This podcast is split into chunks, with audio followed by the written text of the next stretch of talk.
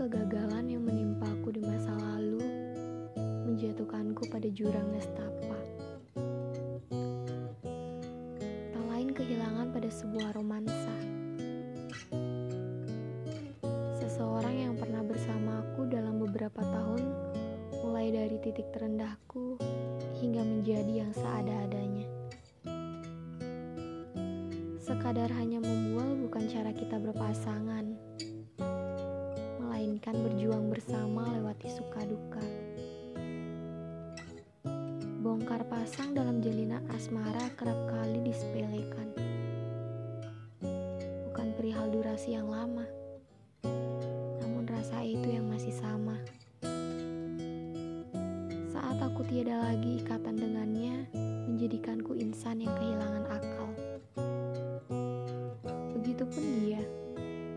menjadi tidak waras dan terus bertemankan pada sebotol minuman keras.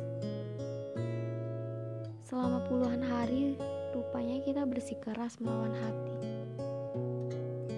Hati yang ingin kembali, namun logika tetap ingin pergi. Membuka lembaran baru, mengulang dengan orang baru bukanlah pilihan terbaik.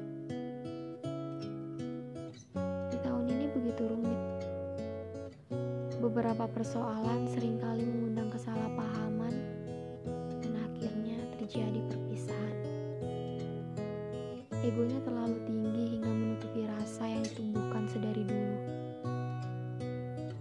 Entah, sampai kapan akan terus lebih patuh pada ego. Kasih, mungkin kegagalan di tahun ini akan menjadi kenangan terindah yang akan selalu kusayang. Mungkin bagimu aku bukanlah yang kau idamkan, namun aku selalu berjuang menjadi yang terbaik. Mungkin sering kali aku mengeluh akan sikapmu yang keras kepala, namun bodohnya aku tetap sayang. Kasih, tahun ini cukup berat untuk kita, berat dalam perihal melupa. Aku tak memiliki